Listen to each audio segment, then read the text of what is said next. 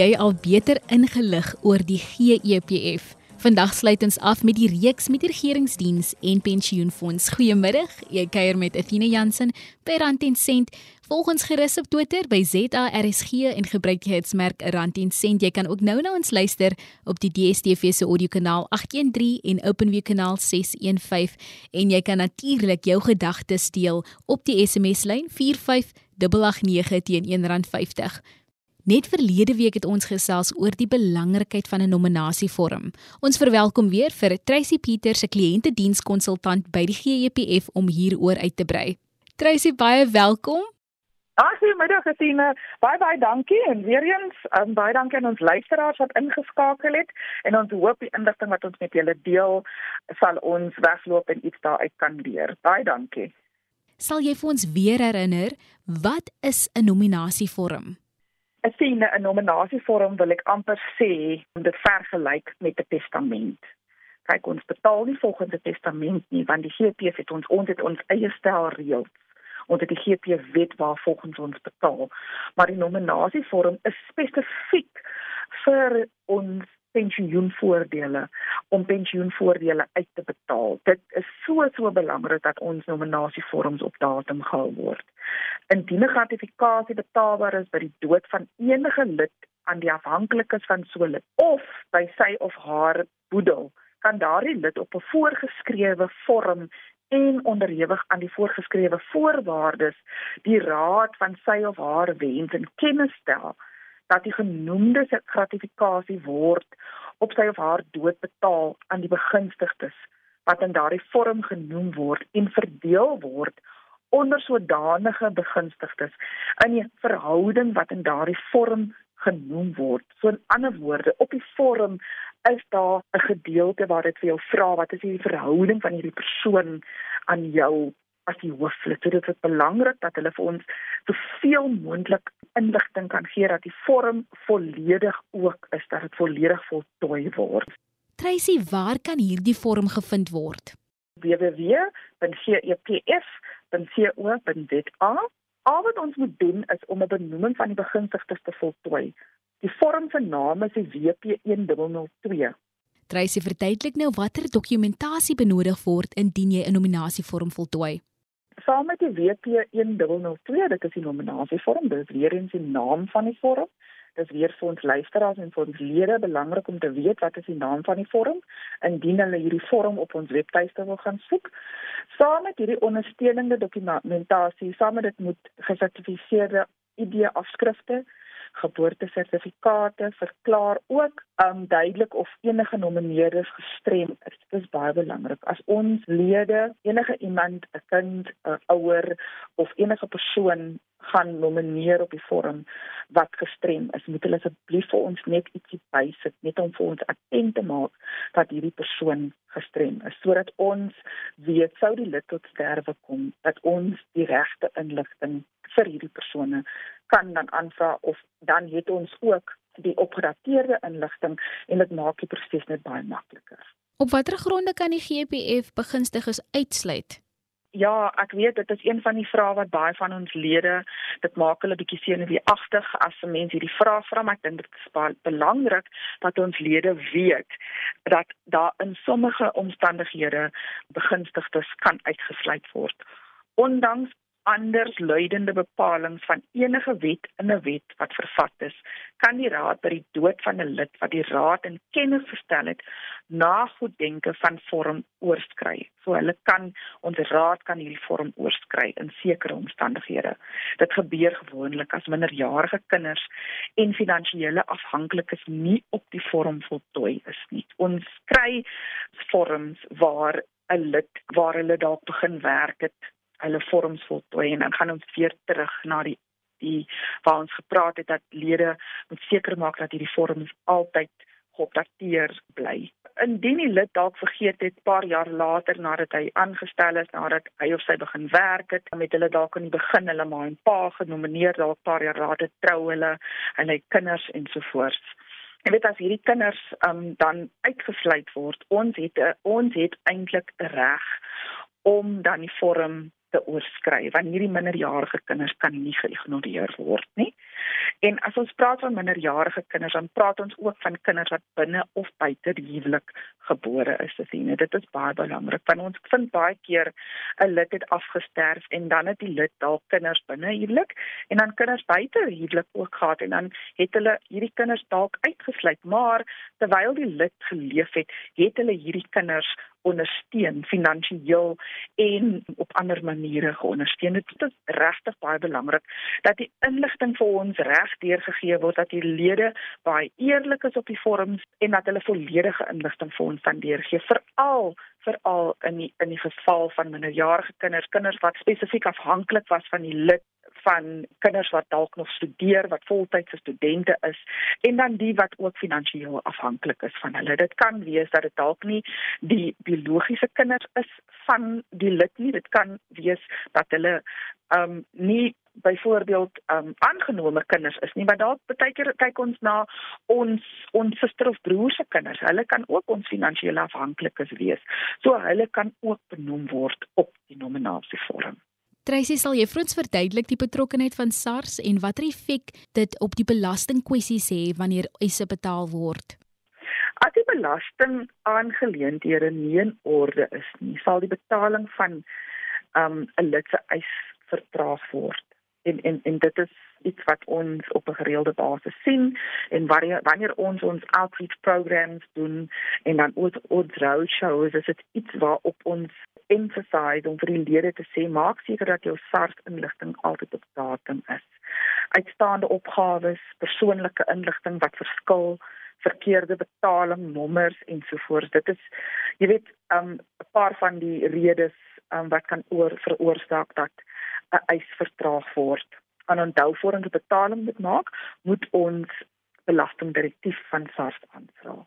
Dit is belangrik dat ons lede die verskillende belang belasting implikasies verstaan wanneer voordele betaal word. As 'n lid van die GPF enige voordele wat voor 1 Maart 1998 aangebring het, sal belastingvry wees en enige voordeel na 1 Maart is 1998 is belasbaar. So in ander woorde, die gedeelte wat hulle voor 1 Maart aangebring het, 1998 Daardie gedeelte is belastingvry en die gedeelte na 1 Maart 1998, dit is belasbaar. SARS en die GPF stel die lid in kennis dat die direktief afgekeur is. So wanneer ons 'n belastingdirektief aanvra en dit word afgekeur, dan word 'n SMS aan die lid uitgestuur. Die lid moet die probleem self met SARS gaan uitsorteer en oplos voordat enige voordele betaal word SARS het onlangs wetgewende veranderinge geïmplementeer wat die impak op die verwerking en betaling van maandelikse pensioenbetalings het. So ons lede moet asseblief self gaan seker maak dat hulle hulle inligting op geopdateer is van as 'n belastingdirektief afgekeur is. Onthou dit is dit is inligting of dit is 'n ek wil amper sê dit is 'n verhouding tussen die lid en SARS. SARS gee vir ons net die inligting om te sê dat die direktief afgekeur is. Hulle gaan nie noodwendig vir ons die redes gee nie. Die lid sal 'n SMS kry. Hulle sal inligting kry om te sê gaan besoek asseblief is die naaste SARS kantoor. Jy weet die lede moet asseblief net attent op dit wees en so gou as moontlik hierdie inligting gaan uitsorteer of gaan opdateer of gaan veranderings maak waar dit waar dit nodig is sodat die betaling dan vinnig na dit kan gemaak word. Jy is ingeskakel op RSG met my Athena Jansen. Rand en sent word met trots aan jou gebring deur die SABC Opvoedkunde in vennootskap met die Regeringsdiens en Pensioenfonds. SABC Opvoedkunde vir ryk denke, vir ryk lewens. Tracy verduidelik nou die twee veranderinge wat plaasvind. Betaling van agterstallige maandelikse pensioenbetalings en 'n belastingaanwyse versoek. Die betaling sal slegs vir agterstallige pensioenbetalings vir die belastingjare voor 1 Maart 2022 aansoek doen. Hierdie verandering is in November 2021 geïmplementeer. En dan paragraaf 2B van die 4de skedule verander vir die pensionaars met verskeie inkomste. En ook verdere siene, betaling van agterstallige bedrae. Die belangrikste item om daarop te let is die vereiste om te verseker dat alle eisvoorleggings vir al gade en kinderpensioene belastingverwysingsnommers moet insluit. So in ander woorde, as gades of kinders aan te doen vir kinderpensioen of gades aan te doen vir die gadepensioen, moet hulle belastingnommers hê. Dit moet ingesluit word op die vorms.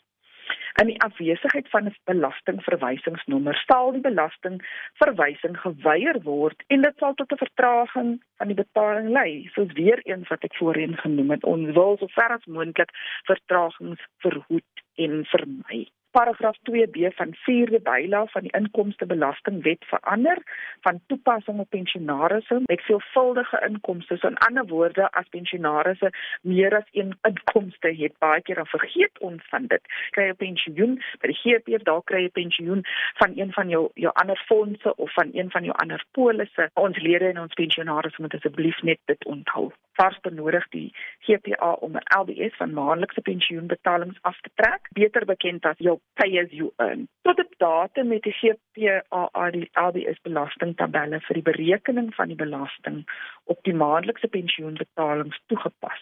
Alle belasting word afgetrek en gereflekteer word op die ERP5 die IT3A belastingsertifikate vir die tweejaarlikse belastingversoening en dan laastens is hier Die wetgewende verandering vereis dat die GPAA 'n vaste persentasie van belasting uit die maandelikse pensioen soos per SARS instruksie aftrek. So GPAA sal die voorgeskrewe belastingkoers aftrekking vir die geaffekteerde pensionaarsse van SARS op 'n jaarlikse basis aflaai. Die pensionaarsse wat geraak word, sal ook deur die deur SARS ingelig word. Baie dankie aan jou Tracy. Ek het 'n bietjie terug gaan luister in die reeks na Omilie Hartzenberg en Marie van 'n Klashorst toe hulle gesels oor die belangrikheid van nominasievorms as ook wie die GEPF is. Omilie, in jou opinie, wat is die belangrikste vorm van die GEPF? Dit is 'n nominasievorm wat genoem word die WP1002. En ek verwys gewoonlik na hierdie vorm. Dit is jou stem vanuit die graf om vir ons te sê wie jou geld moet kry.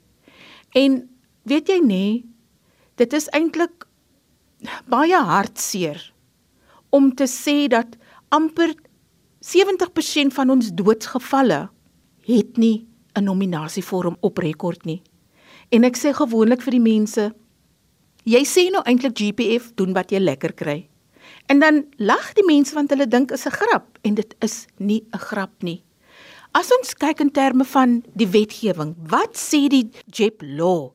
Dit sê basies indien 'n persoon tot sterwe kom en daar is nie 'n nominasievorm nie, dan kan enige persoon wat finansiëel afhanklik was van die persoon, wat regmatiglik afhanklik was van die persoon en dan wat wettiglik afhanklik was van die persoon 'n eis indien. So, hoe wyd maak ons die deure dan oop? Indien daar 'n nominasievorm is of was, dan is dit soveel makliker dan kan ons vir Jannie Sannie en vir Pietie betaal.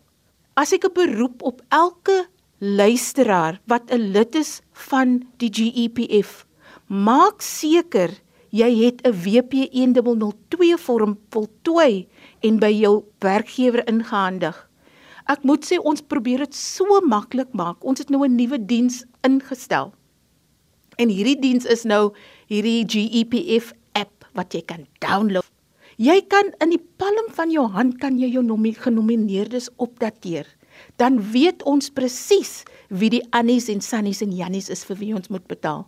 Onthou, ons missie is om die regte persoon op die regte tyd te betaal en sonder jou hulp kan ons dit nie doen nie. Marie van der Klastors verduidelik ook die belangrikheid van nominasievorms. Dit is een van die belangrikste vorms wat moet voltooi word en dit moet ook nie net voltooi word nie, maar dit moet op 'n gereelde basis op datum gehou word. Soos wat daar enige lewensveranderinge in mense lewe kom, jy skei of jy het nog 'n kind of jy trou, moet jy mense wat jy nomineer op datum gehou word. Dan is dit baie belangrik dat jy kan enige persoon nomineer. Moet net nie minderjarige kinders uitlaat nie, want dan het die GPS die reg om hom te oorskryf sodat ons die minderjarige kinders kan inreken. Dit word slegs uitbetaal indien 'n persoon te sterwe kom, dan word die geld verdeel volgens die WP 1002. 'n paar luisteraars wou weet of daar 'n verhouding tussen SASSA en die GEPF is. Weet jy? Die antwoord is gelukkig of ongelukkig nee. Daar's geen verhouding nie.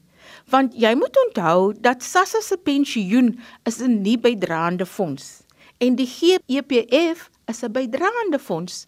Ons ken hom ons almal as die ou mens pensioen en disability pension. So, nee, die antwoord is nee, daar's geen verhouding tussen die twee nie. Oumelia verduidelik ook watter uitdagings die GEPF ervaar, maar ook watter oplossings daar is.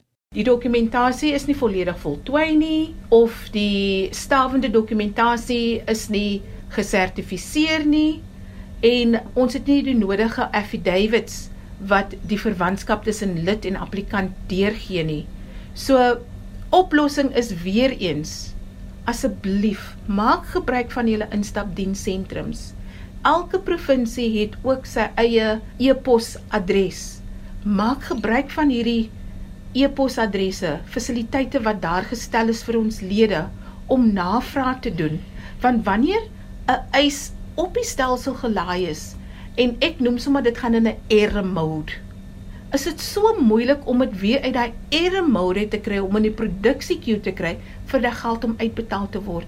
So ek glo daaraan as jy van ons instapdienssentrums gebruik maak, ons gaan seker maak die dokumentasie is reg voltooi, alles is daar sodat die keisoma die eerste keer uitbetaal kan word. As 'n lid van die pensioenfonds moet hulle verseker dat hulle inligting altyd op datum gehou word by die werkgewer, by die bank, by SARS en by binnelandse sake en dit moet altyd ooreenstem. Baie lede trou, maar verander hulle van byvoorbeeld by die binnelandse sake, maar hulle verander dit nooit by die bank nie of by SARS nie en dan as ons die uitbetaling doen, dan word dit outomaties misluk Hulle stuur dit vir ons terug en sê hulle kan dit nie want dit stem nie saam met binnelandse sake en dit is baie belangrik. En dan hulle moet ook seker maak dat die vorms en voordele korrek voltooi is en dat die nodige sertifisering op die dokumente gedoen word. En dan het ek al voorheen gesê wat ook en ek gaan dit weer sê dit is baie belangrik die bankverifikasie. Hulle moet seker maak dat die bank se inligting en die by binnelandse sake ooreenstem en dat hulle die nodige dokumente by die bank kry soos 'n bankstaat en nie net 'n uitdruk van hulle rekening nie. Jy is ingeskakel op RSG met my Athena Jansen. Rand en sent word met trots aan jou gebring deur die SABC Opvoedkunde in vennootskap met die Regeringsdiens en Pensioenfonds. SABC Opvoedkunde vir ryk denke, vir ryk lewens. Amelia sal jy vir ons afsluit deur net ons weer te herinner wie die GEPF is. Die mense daar buite sal vir ons ken as die GEPF, Government Employees Pension Fund. Die Afrikaans is so 'n mondvol. Glo my vry, min mense weet dis die Afrikaanse naam. Maar wie is ons en wat is ons? Ons is 'n vooraanstaande fonds in regering en normaalweg is dit deel van jou aanstellingsvoorwaardes om by die fonds aan te sluit. Ons is die grootste fonds in Afrika. Ons het heidaglik plus minus 1.4 miljoen aktiewe lede, 500 pensionaarsse. Ons missie en visie is om die regte persoon die regte bedrag op die regte tyd te betaal. Ons vision is basies ook om deursigtig te wees ten alle tye. So as jy 'n lid instap, kan ek nie goedjies wegsteek nie. Ons moet die persoon die waarheid vertel. Wat die wetgewing sê, wat ons stelsel sê en ons moet ten alle tye die regte inligting gee. Weereens baie dankie aan Amelia Hartzenberg, Marie van der Klashorst en Tracy Pieters vir julle deelname aan die reeks met die GEPF. Net hier op Rand en Sent, dankie ook dat julle uitgereik het aan die luisteraars. Onthou die GEPF se streekskliëntedienssentrums is in al 9 provinsies van Suid-Afrika en hulle het 7 satellietkantore wat spesiaal vir jou behoeftes ontwerp is. Om meer uit te vind, het die GEPF 'n nasionale tolvrye oproepsentrum nommer. Dit is 08 00 117 669. Net weer die nommer 08 00 117 Oproepe na hierdie nommer is natuurlik gratis vanaf enige Telkomlyn. Jy kan ook 'n e-pos stuur na inquiries@gepf.co.za of besoek hulle webwerf dit is www.rsg.co.za. En dan kan die luisteraars die hele reeks vind op ons webtuiste www.rsg.co.za. Gaan na die potgooi skakel en onder 'n rand en sent sal jy die episode vind. Ek groet dan tot volgende week, 'n geseënde dag verder.